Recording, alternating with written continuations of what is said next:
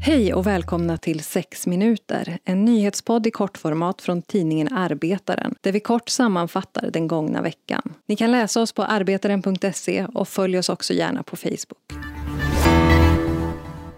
Vårdpersonal och personal inom hemtjänst och äldrevård är en prioriterad grupp för vaccinering och verksamheterna bör erbjuda personal att vaccinera sig på arbetstid utan löneavdrag. Det är rekommendationen från arbetsköparorganisationen Sveriges kommuner och regioner, SKR. Men Västerås stad följer inte den rekommendationen och ger inga löften om vaccinering på arbetstid.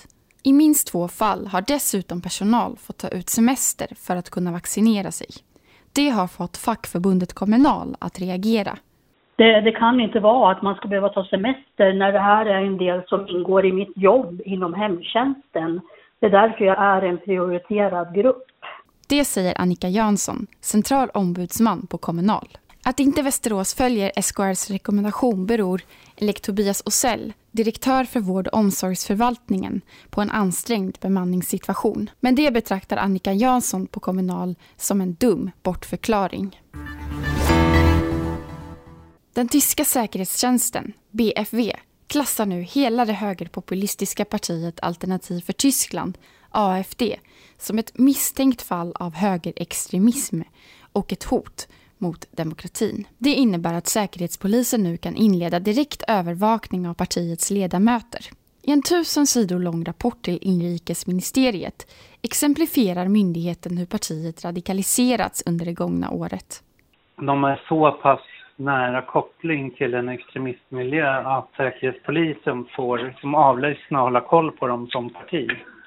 Det säger Mattias Våg, journalist och mångårig expert på högerradikala rörelser. Alternativ för Tyskland själva protesterar starkt mot beslutet och deklarerar att de avser fortsätta att bestrida beslutet rättsligt. Enligt dem så är Säkerhetspolisens beslut ett partipolitiskt motiverat angrepp som syftar till att sabotera deras chanser i årets val. Snabbmatskedjan McDonalds säkerhetsavdelning i USA spionerar på anställda som stödjer proteströrelsen Fight for 15 för höjd minimilön. Genom övervakningsprogram trålar sociala medier i jakt på personer som kan skada varumärket och dessutom kartläggs deras personliga nätverk. Det visar vittnesmål från avhoppade bolagsanställda och dokument som läckt ut till den amerikanska nättidningen Motherboard. Rörelsen Fight for 15 uppstod 2012 och har genom åren vuxit och involverat inte bara snabbmatsanställda utan också hemtjänstpersonal, städare, barnskötare och andra yrkesgrupper. McDonalds har svarat på anklagelserna och kallar dem felaktiga och vilseledande. Bolagets talesperson Jess Levin förnekar att McDonalds skulle använt sig av falska konton i sociala medier men säger att företaget har ett ansvar att övervaka arbetsmarknadsprotester som har till syfte att störa restaurangverksamheten. McDonalds är inte de enda som övervakat sina anställda i sociala medier. I höstas kunde Arbetaren rapportera om hur Amazon anlitat det ökända säkerhetsföretaget Pinkerton och bedrivit övervakning av fackligt anslutna lagerarbetare i Europa och kartlagt proteströrelser som klimatrörelsen Fridays for Future i sociala medier. Det har gått hundra år sedan upproret i Kronstad 1921. I en serie texter i Arbetaren berättar Christian Falk om upproret, repressionen och efterspelet av vad som har kommit att kallas anarkismens sista vinter. Läs hela serien på arbetaren.se.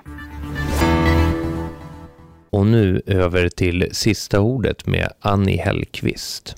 Min unge är en redan skoltrött mellanstadietjej. Häromdagen sa hon att när hon blir 65 och äntligen ska få sluta jobba kommer hon säkert göra så att man inte får det. Jag hade inte hjärta att tala om för henne att hon har rätt. Att hon antagligen kommer bli tvungen att jobba till 72-årsåldern. Det är märkligt vad lite protester det har varit inför en så stor förestående välfärdsförsämring som den höjda pensionsåldern. De nya riktåldrarna för pension är ännu inte fastslagna. Men det lutar åt att för oss i 30-40-årsåldern kommer det landa runt 70. För våra barn en bit över. Anledningen till att höja pensionsåldern är att vi lever längre. Men är det verkligen ett vi som lever längre? I själva verket är det ju så att vissa grupper, välutbildade och välavlönade, drar upp medellivslängden, medan ökningen för övriga grupper går långsammare.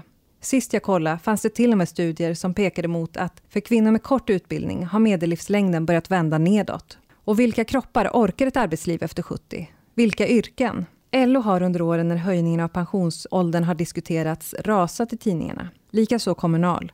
IF Metall har uttryckt oro för att medlemmarna inte ska orka jobba så länge. Men något skarpt mobiliserat motstånd har vi inte sett. Man skulle kunna tänka sig att organisationer som företräder 1,5 miljoner arbetare kanske kunde använda sig av den kollektiva styrkan. Men det verkar inte hända. På det partipolitiska planet då? Inte heller där kan vi vänta oss en politisk diskussion som utmanar. Pensionsfrågan har flyttats undan all politisk debatt och förlagts i en partiöverskridande grupp där alla partier utom V och SD ingår och där alla är överens. Protesterna måste komma någon annanstans ifrån. Vill vi jobba till 70? Vill vi låsa in våra barn i ett system där de måste jobba till 72? Vi borde bråka mycket mer om pensionsåldern, för ingen annan kommer att göra det.